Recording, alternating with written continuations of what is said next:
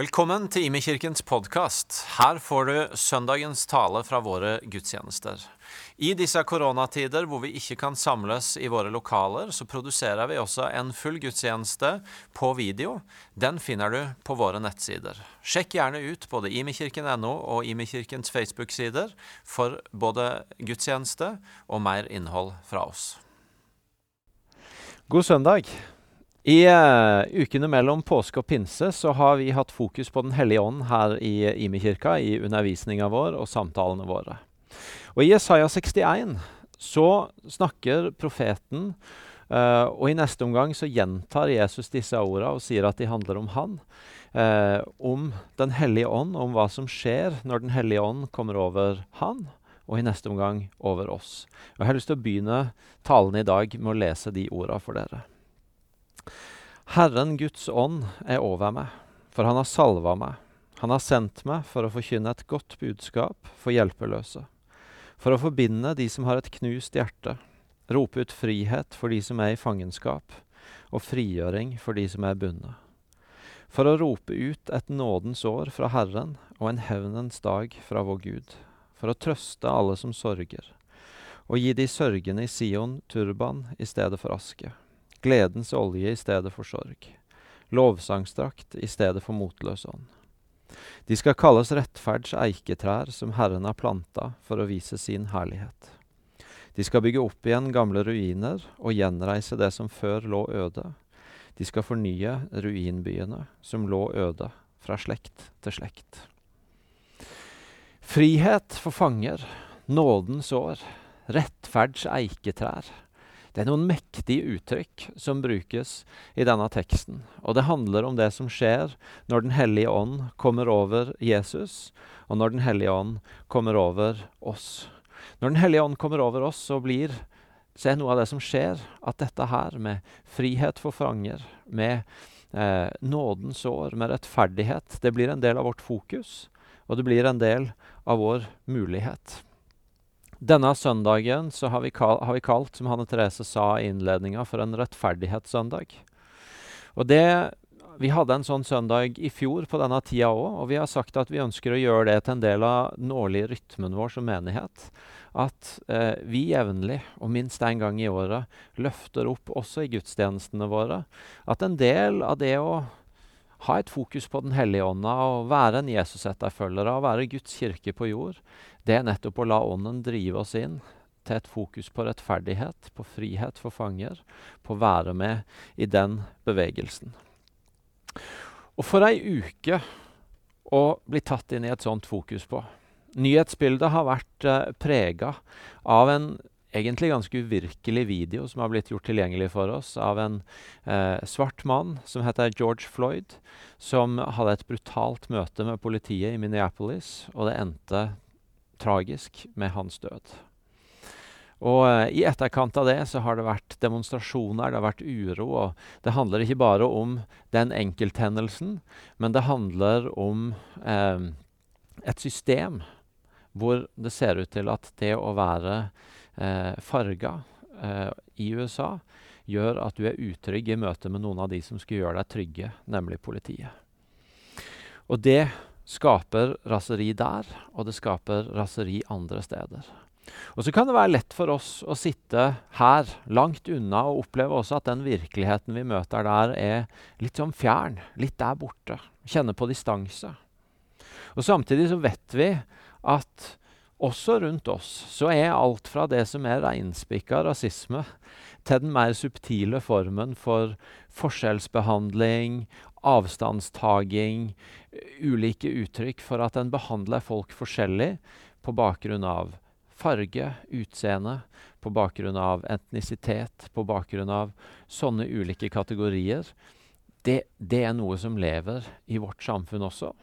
Og også på et systemnivå så kan vi spørre oss sjøl er en del av de valga vi tar som samfunn, noe vi egentlig ønsker å stå inne for, i et perspektiv av rettferdighet og at alle mennesker er skapt like. Dette med rasisme, det er forferdelig, og det er noe vi ikke kan slå oss til ro med. Det er noe vi ikke kan godta. To ting som er har merka seg ved meg når jeg har fulgt dekninga av denne saken. Det ene var noe jeg så, hørte på Urix på lørdag forrige helg.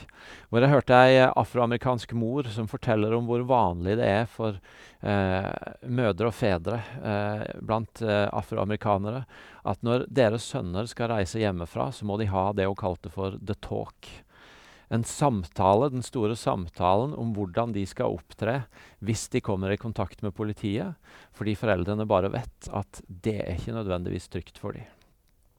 Og Det andre er en artikkel Christianity Today hadde om George Floyd, hvor de forteller historien om hvordan han Eh, der han kommer fra, i den bydelen i Houston han kommer fra, har vært en sånn skikkelse som både har vært som en farsfigur for mange unge menn, og han har vært, eh, blir omtalt som en fredens person og en døråpner for mange kristne menigheter og kristne organisasjoner som ønsker å komme inn og gjøre godhet og, eh, og eh, dele evangeliet i en bydel, et nabolag, som var prega av ganske store utfordringer. Og To ting ved de to glimta fra nyhetsbildet som, eh, som, bare har skapt noe i meg. Det ene er dette bildet av en mor og en far som, som, som har dette behovet for å beskytte og advare sine barn, fordi at de, de, vet ikke om de vil få en rettferdig behandling. De vet ikke om de er trygge i møte med politiet. Jeg tenker Det gir oss et glimt inn i den smerten som må ligge hos en mor og en far av å kjenne seg utrygg på blir mitt barn behandla rettferdig. Må mitt barn vokse opp med urettferdighet? Er mitt barn i fare pga. urettferdighet? Og kanskje kan det gi oss også et glimt inn i Guds hjerte. Og Guds smerte som, som en far, når han ser at noen av de som er hans, og som han har skapt i sitt bilde, møtes av urettferdighet.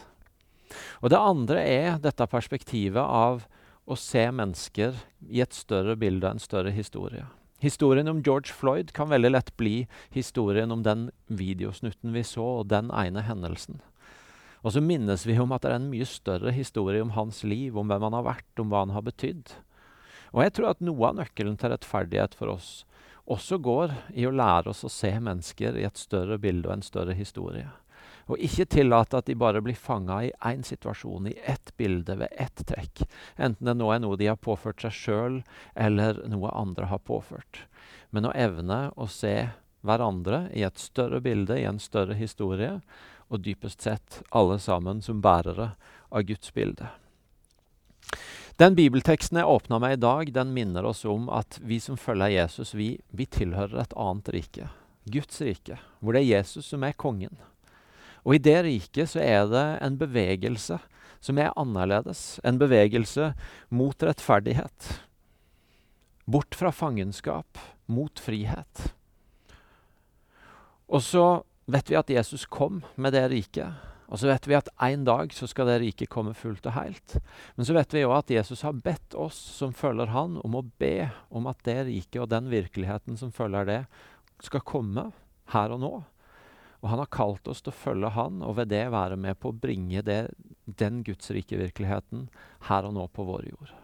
Og Det betyr at for oss som følger Jesus, så er vi også kalt til å være i en bevegelse mot frihet og mot rettferdighet.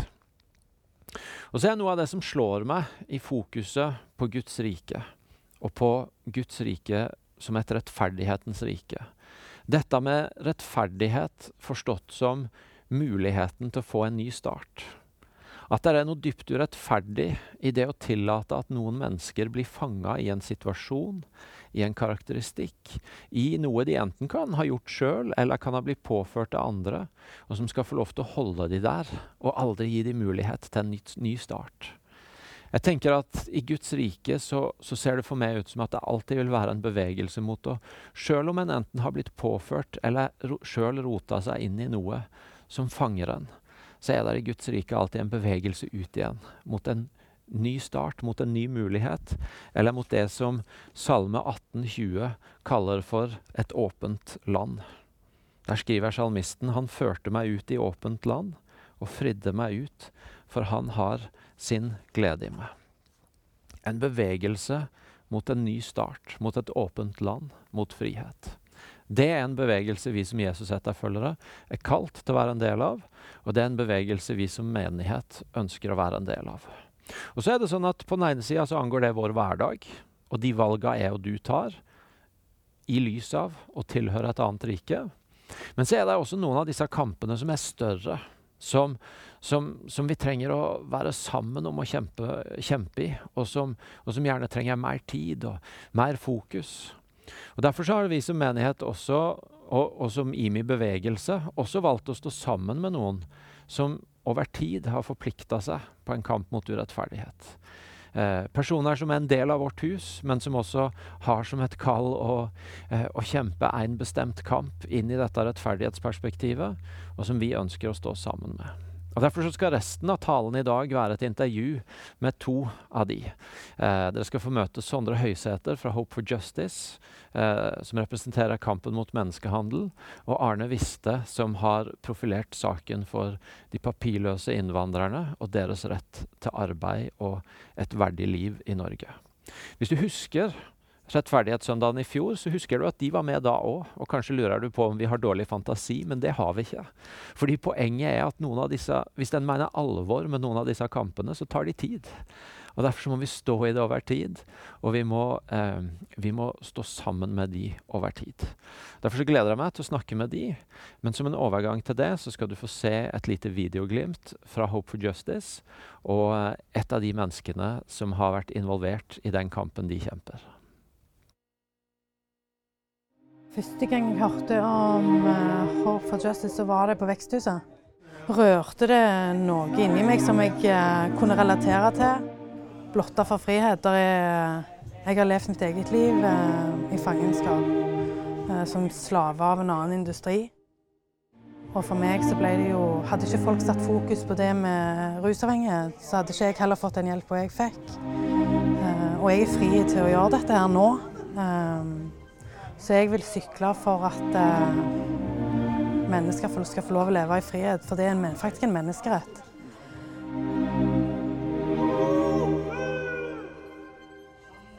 Jeg er kjempe, kjempe, kjemperedd. Eh, jeg har ikke trent siden januar, for da fikk jeg vite at jeg hadde kreft. Så jeg har gått gjennom en sånn en, uh, kreftdiagnose og en tilfriskning der. Men, men akkurat pga. at jeg vant den kampen òg, Eh, så skal jeg gjøre dette bare trosse alt frykten som bor i meg, og gjøre det. Helsa eh, kunne vært bedre, men, eh, men jeg har vært redd hele livet mitt, jeg. Og fortsatt så sitter jeg her. Så den frykten skal ikke få stoppe meg denne gangen heller. Ja. Yes.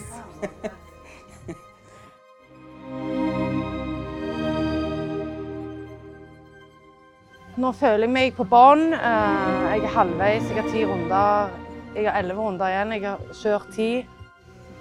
Åh. Det er bare hardt. Og jeg er beæra over at jeg skal få lov til å sykle. For hvis jeg kan hjelpe ett menneske å bli fri, så nå får jeg frysninger, så skal jeg trø til Ja Jeg holdt på å si dårlig tar meg, men det skal jeg gjøre, ja. Mm.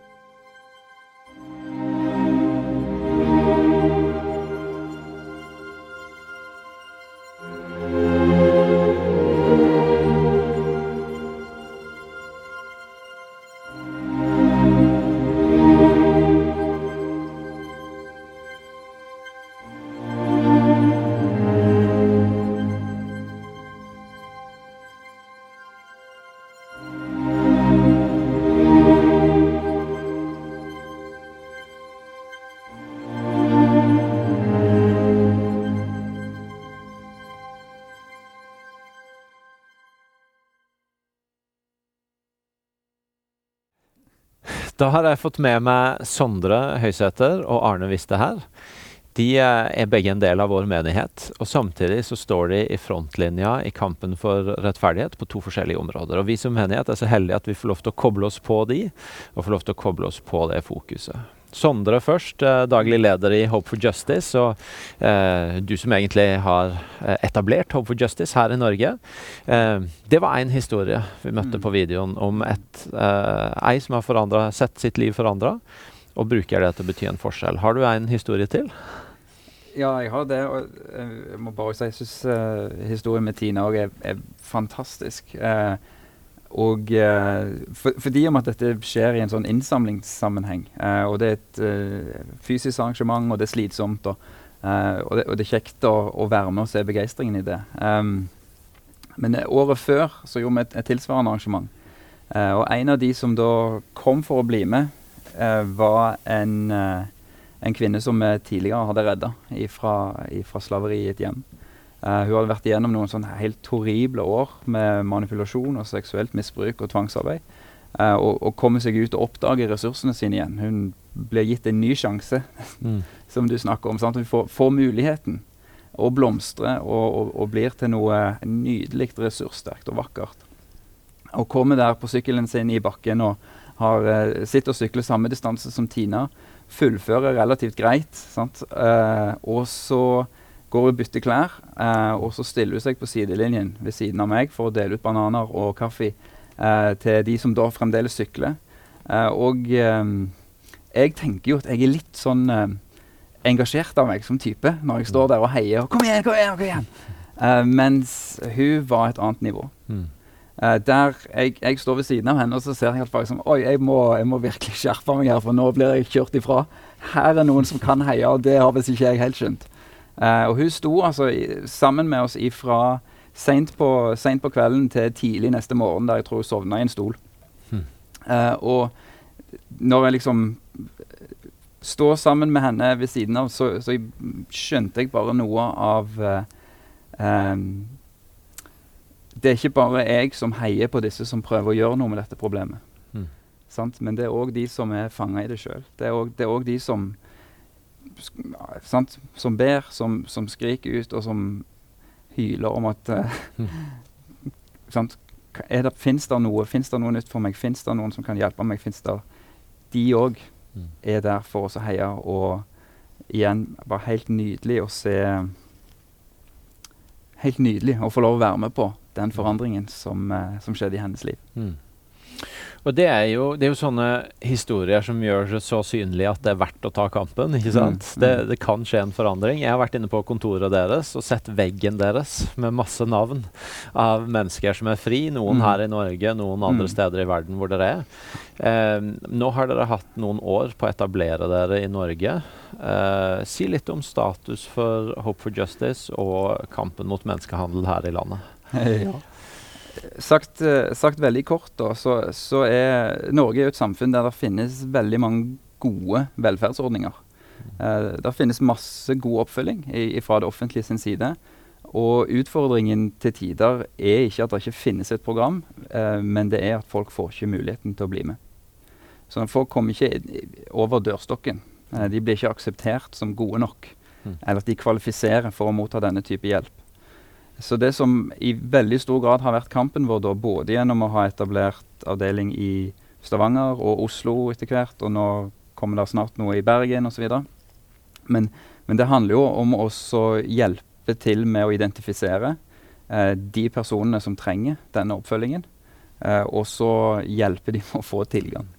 Eh, og, og, som et eksempel så Noen har kanskje sett dette her litt sånn i periferien. Men, men VG fulgte oss noen uker i desember og gjorde et relativt stort oppslag på en sak som eh, omhandla menn i byggebransje eh, på et firma i Oslo. Eh, der eh, eh, gjerningspersoner i dette tilfellet her da henta billig arbeidskraft i Øst-Europa. Eh, plasserte de i en leilighet Uh, gir de noe um, forskudd og nesten litt sånn gir de en nistepakke i hånden. Og så sender de ut på jobb, og så kommer det aldri noen lønn. Mm. Og så har de ikke penger til å reise hjem igjen, eller de har ikke penger til å hyre advokat, eller de har ikke tilgang på språk, eller skjønner ikke nok til å vite at det ikke er sånn ting skal være. Og så går de jo da er, fra den ene dagen til den andre, hele veien avhengig av hvor blir jeg sendt i dag, og eh, må gjøre det som i hermetegn arbeidsgiver til enhver tid sier til dem. Eh, så blir dette her da avslørt, og, og, det blir relativt stort oppslag på det. Eh, det er en skandale, for dette firmaet har vært brukt i både arbeid på Operahuset, eh, de har vært inne og jobbet på Politiets beredskapssenter. og sant? Du får liksom skandalene fra det fra media sin side. Og så opplever vi jo at politiet òg påbegynner en etterforskning, og så henlegger de det. Mm. Og det som skjer i det øyeblikket at politiet henlegger, eller for å si det sånn, det som skjer når politiet ikke ønsker å bruke mer ressurser på det, for det er det det egentlig handler om, Mm. eh, det er at eh, veldig mange andre samfunnsinstanser da bare stenger ned. Mm. Og tenker at da, da trenger ikke disse menneskene en ny sjanse, eller de trenger ikke videre oppfølging. Mm.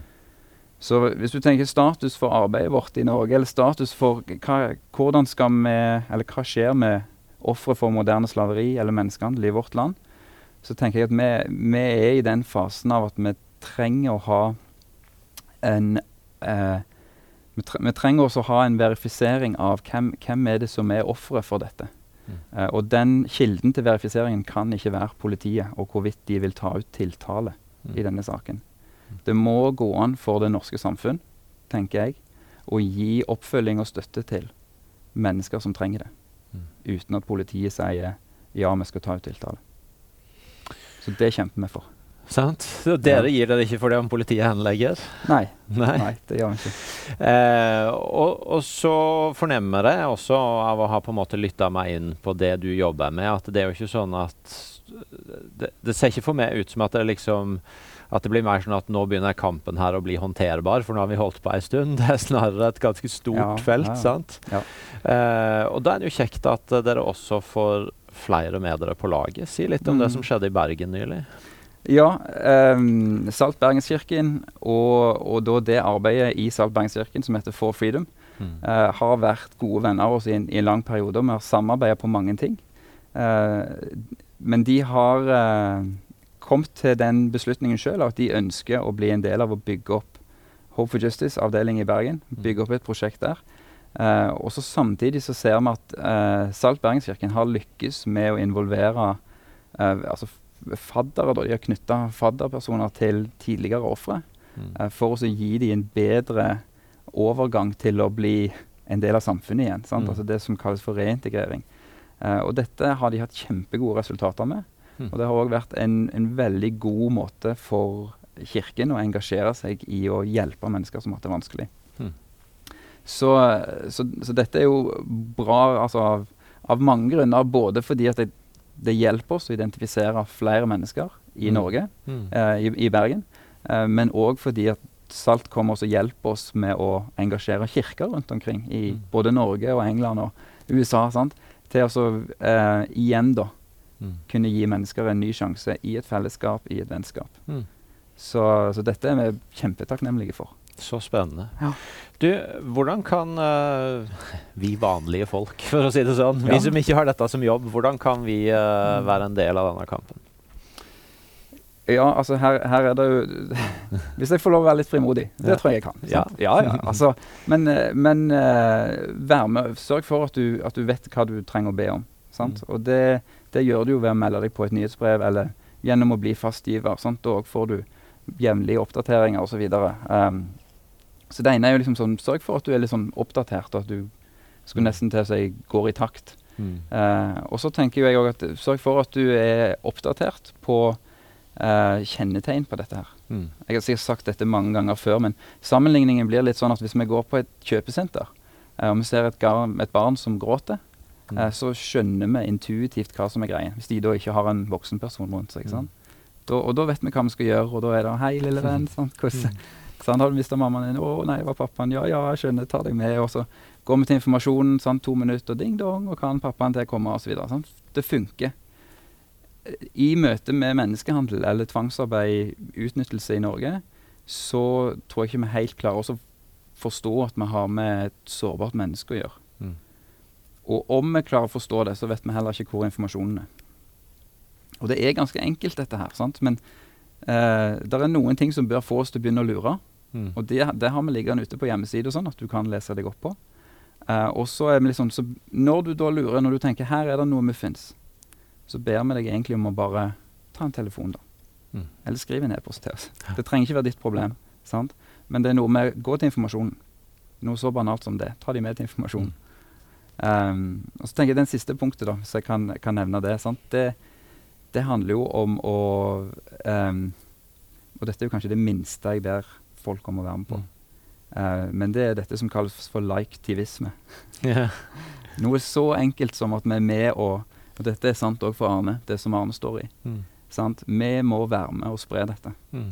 Uh, vi må være med Om det så er så lite som at vi trykker på den der uh, knappen på Instagram eller Facebook sant, som sier tommel opp, eller deler noe, eller våger offentlig å ta et standpunkt for Mm. å si her går grensen vår. Mm. Jeg husker ennå jeg, talte i en forsamling, og så øh, var jeg begeistra og sier at og ingen skal måtte oppleve dette her i vårt land. sant? Eh, derfor så sørger vi for ABC og sånn. Og så etterpå så kom det noen og liksom trekker meg litt sånn i, i jakken, og som eh, bare liksom eh, Mener du virkelig, Sondre, Mm.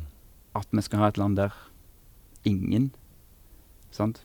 Ingen rom, ingen Mm. polakk, ingen filippinere, ingen men, Mener du virkelig at det der uh, Og spørsmålet var helt oppriktig. For, fordi at eh, underliggende der så lå det en sånn tanke om at ja, men noen må du jo regne med. Mm. Vi kan ikke hjelpe alle. Sant? Og det jeg tenker liksom med den tommelen opp, eller den være med å dele og være med å stå Mm. for noe, så er det bare det, det, det å trekke en strek i sanden og si her går grensen. Mm. Ingen. Som du var inne på innledningsvis her, sant?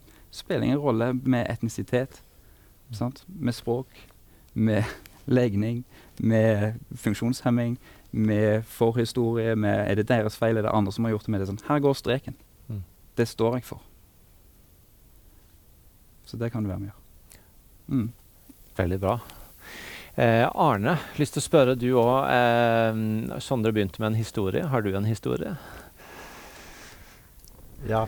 Um, det er litt utfordrende for det at eh, eh, vedkommende som jeg skal snakke om her, er ikke aksept for å identifisere. Så jeg skal, men jeg får snakke om han som en Per, et norsk navn, og så skal jeg prøve å fortelle denne historien uh, riktig redelig. Det er en familie i Iran da, som er er kurdere og opposisjonelle til, til, altså politisk opposisjonelle til prestestyret. Og de opplever stadig forfølgelse. Eh, de opplever brannbomber blir kasta inn i vinduet om natta. De opplever et forsøk på forgiftning. Og de flytter til en annen by eh, der det skal være tryggere. Der får da Per eh, seg en jobb på en restaurant. Men så kommer det noen typisk eh, som han gjenkjenner som iranske eh, presteskapet, og spør han ut om faren som er politisk aktiv etter at de har flytta. De blir redde igjen. Han tør ikke gå på jobb lenger.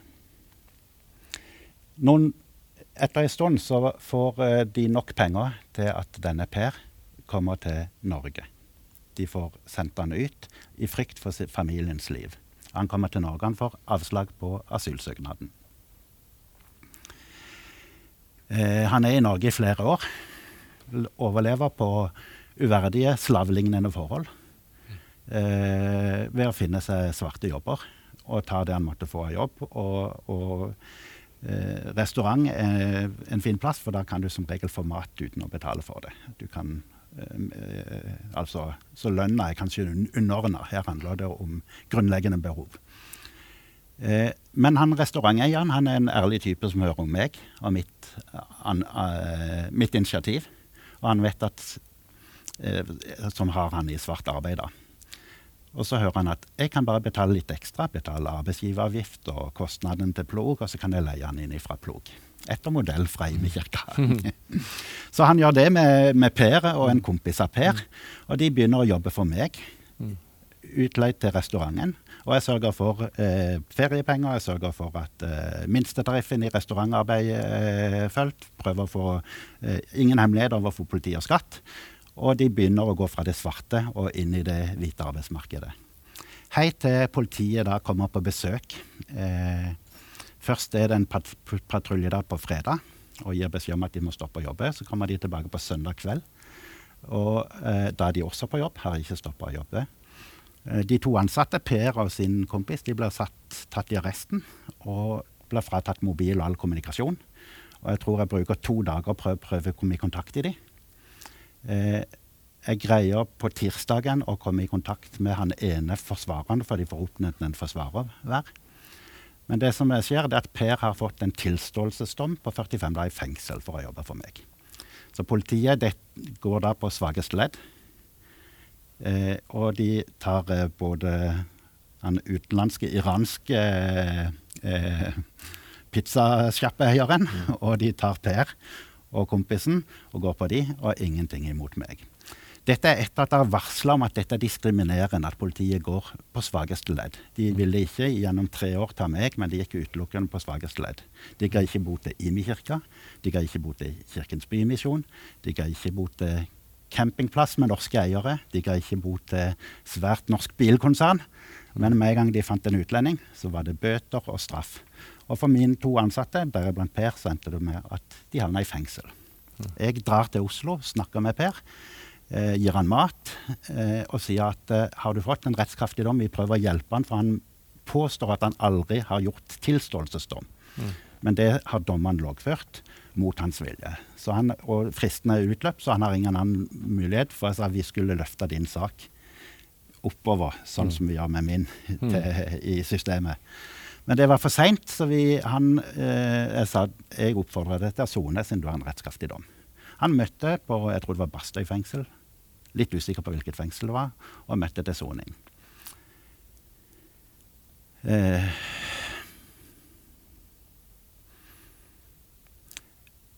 jeg drar inn i bønnerommet i IMI. Jeg husker jeg skriker til Gud om rettferdighet mm. for Per. For jeg visste litt om hans situasjon. Normalt går jeg ikke inn i asylhistorien, men jeg visste at dette var blod, blodig urettferdig. Jeg tror ikke jeg hadde en opplevelse at Gud hørte der og da. Mens Per er inne til soning, så smeller bilbomba i hjembyen. Og storebroren Det var to personer i bilen. Det er storebroren til Per som omkommer, og faren til Per som er lemlesta. Han ligger på sykehus. Per er i norsk fengsel fordi han ikke har beskyttelsesbehov. Men han overlevde iallfall. Eh, det som eh, Han får ikke delta i begravelsen til bror sin. Eh, han kommer ut av fengsel etter 45 dager når han er ferdig med soninga. Jeg sender han noe penger. Eh, for han får ikke oppfølging som andre fanger får når de kommer ut. Han får ikke noen jobb. Han må overlate til svartemarkedet igjen. Tilbake i, i den håpløse situasjonen men med en mindre familie. Mm. Jeg sier at du må iallfall oppsøke NOAS, og nå har du iallfall bevis på at du har beskyttelsesbehov. Mm. Og NOAS tar opp saken, og legger seg flate og sier at ja, eh, det er troverdig historie du forteller likevel. De hadde bare avskrevet hans troverdighet når han forklarte om sitt beskyttelsesbehov. Men denne, den bilbomba den er veldokumentert. Det er bilder, det er internasjonale medier skrev om dette drapet. da. Mm. Så UNE kommer ikke unna. Han får da opphold. Og så er spørsmålet ja, men da er jo han For det første har han sona urettferdig. Han skulle jo ikke vært i fengsel, for han hadde jo beskyttelsesbehov og rett til å jobbe. Mm. Han har jo krav på tapt arbeidsinntekt. Han hadde jo rett til å jobbe, han hadde rett til opphold, han hadde rett på alle tjenester. Mm. Jeg kontakter Per og spør er dette noe vi kan fortelle til medier. Er dette noe som vi kan, kan uh, ja, jeg må si det. Sånn jeg fikk vite om at Per hadde fått opphold etter NOAS, det var eh, at han kom og besøkte meg i Oslo tingrett når jeg sto for retten der. Og en av de jeg straffa for å ha ansatt, er Per. Mm. Så han eh, står på lista som jeg nå har fått bot og, og, og inndragning av den omsetninga som jeg fikk hjulpet han med. Mm. Det som er, viser systematikken og uretten også i Norge, det er at Per med sitt beskyttelsesbehov, anerkjent av norske myndigheter, oppfått opphold i Norge. Han er på norsk språkkurs i disse dager og kommer til å bli norsk statsborger. Han har et absolutt beskyttelsesbehov mm. mot forfølgelse og tortur og drap. Eh, nå har han fått seg kjæreste, og hun er gravid. Mm. Så han har fått et liv. Og jeg traff han og jubla. Det var bønnesvar i rettssaken i Oslo. Mm. Men når jeg da sier at vi har noen Nav-klienter som har fått, eh, vært i fengsel pga. dette Nav-skandalen. Mm. Og Da går Riksadvokaten i Norge inn og så identifiserer han hvem er det som har fått urett, urettmessig straffer for å gjenopprette og gjenoppta de sakene, sånn at de får kompensasjon for den urett de har litt. For det er da norske Nav-ytere. Så tenkte jeg nå skal jeg utfordre Riksadvokaten. Hva med Per? Han også er urettferdig ramma og fått en fengselsdom og sona urettferdig i fengsel. Eh, vil du ta opp hans sak? Det var ikke grunnlag for, for det. Det vil ikke Riksadvokaten ikke. Han sier at det, nei, det var et særtilfelle med de norske Nav-brukerne. Men i andre tilfeller vil vi ikke gjøre det. Det, det jeg ser, er at vi har en ukultur i Norge. Vi tenker, og Grunnen skyldes våre holdninger inni oss. Vi tenker at vi skal først og fremst ta vare på våre egne. Vi skal først og fremst sørge for det. Men vi må tenke på hva er rettferdighet. Og når Jesus snakker rettferdighet i f.eks. den kvinna som har grepet jord, og som mm. skulle steines. Jesus var ikke opptatt av å dømme. Jesus han identifiserte seg med. Og når noen ville steine og dømme henne, så ut fra den, den som er uten synd, kan først kaste den første steinen. Dere må sette det på hennes nivå og sammenligne deg med henne. Og det som jeg tror Gud har åpenbart for meg, er at når vi snakker rettferdighet, så er det det som er den radikale utfordringa til oss Jesus-etterfølgere på rettferdighet. Det er å ikke sitte og dømme mellom er det rettferdig at eh, min gutt og min jente Som far er jeg nødt til å være dommer i rettferdighetssaker hele veien, for det skal være rettferdig i familien. Men Jesus han utfordrer oss til å ikke se er det det og det å være dommer, men han utfordres til å bli en del av den ligninga. Og si at ja, men er det rettferdig at jeg får jobb og ikke du? Mm. Er det rettferdig at jeg har det sånn og ikke du? Så rettferdighet, da må det være at vi måler et annet menneske mot meg sjøl. Ikke mot en annen eh, minoritet eller en annen problem. Altså sette svake grupper opp mot hverandre. Mm. Det jeg må være en del av rettferdighetsligninga. Og uten, hvis jeg gjør meg til dommer mellom to svake grupper, så snakker vi ikke rettferdighet. Da snakker vi om dømming og fordømmelse, som Gud sier vi ikke skal drive med. Mm. Så vi må gjøre som kristne og som Jesu etterfølger til en del av rettferdighetsligninga. Så må vi se er det rettferdig at du har det sånn, når jeg har det sånn. Og det må være kjernen i den rettferdighetslivet som vi kristne er kalt å leve. Mm. Tusen takk, Arne. Rettferdighet som uh, et perspektiv av at Jesus gjør seg sjøl til en del av ligninga. Mm. Og det er også vårt kall som Jesus etterfølgere. Jeg skulle gjerne snakka lenger med disse to, for de har så mye bra å dele, og så har allerede tida gått. Eh, så vi skal runde av der. Men dere har hørt noen konkrete utfordringer både fra Sondre og Arne. På, eh, som går på hvordan vi også kan ta steg fram i å være en del av dette. Både i form av å skaffe oss kunnskap, i form av bønn, i form av økonomisk støtte. Eh, men eh, også det Sondre kaller for Hva var det du sa? Liktivisme. Liktivisme, ja. Å synliggjøre og sette en, en, en, strek i sanden på hvor, eh, hva vi syns er greit. Og som Arne sier, å ikke sette oss på sida og tenke på noen saker der, men å faktisk gjøre oss til en del av ligninga. Og så har jeg lyst til at vi som menighet tar med oss eh, både den invitasjonen til å være med å be, Sjekk ut Hope for Justice og Sondre og det de har online. Koble dere på Arne, som legger ut veldig mye nyttig om dette på sin Facebook. Eh, og vær med og be.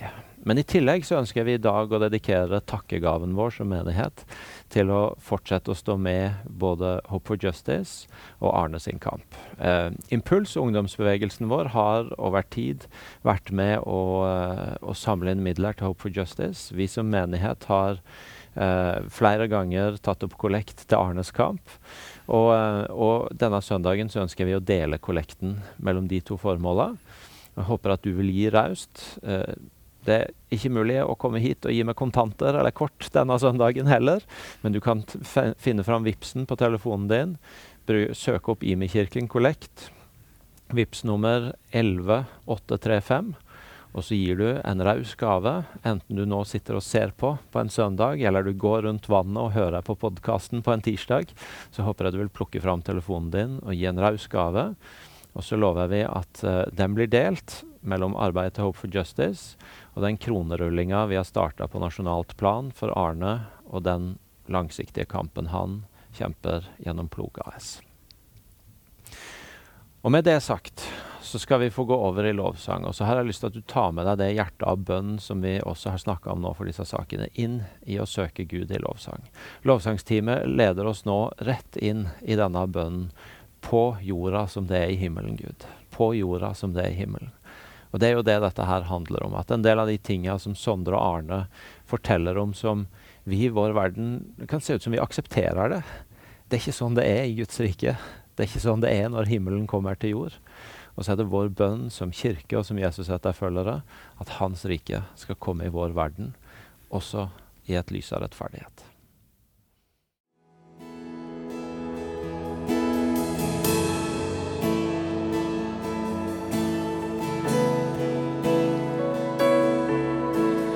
Yours is the key.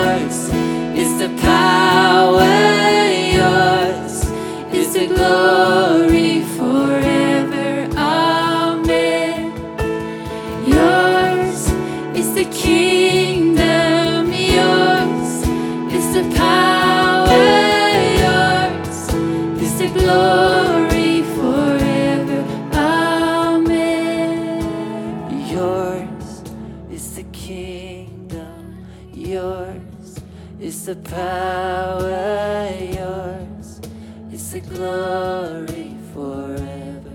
Amen. Yours is the kingdom, yours is the power, yours is the glory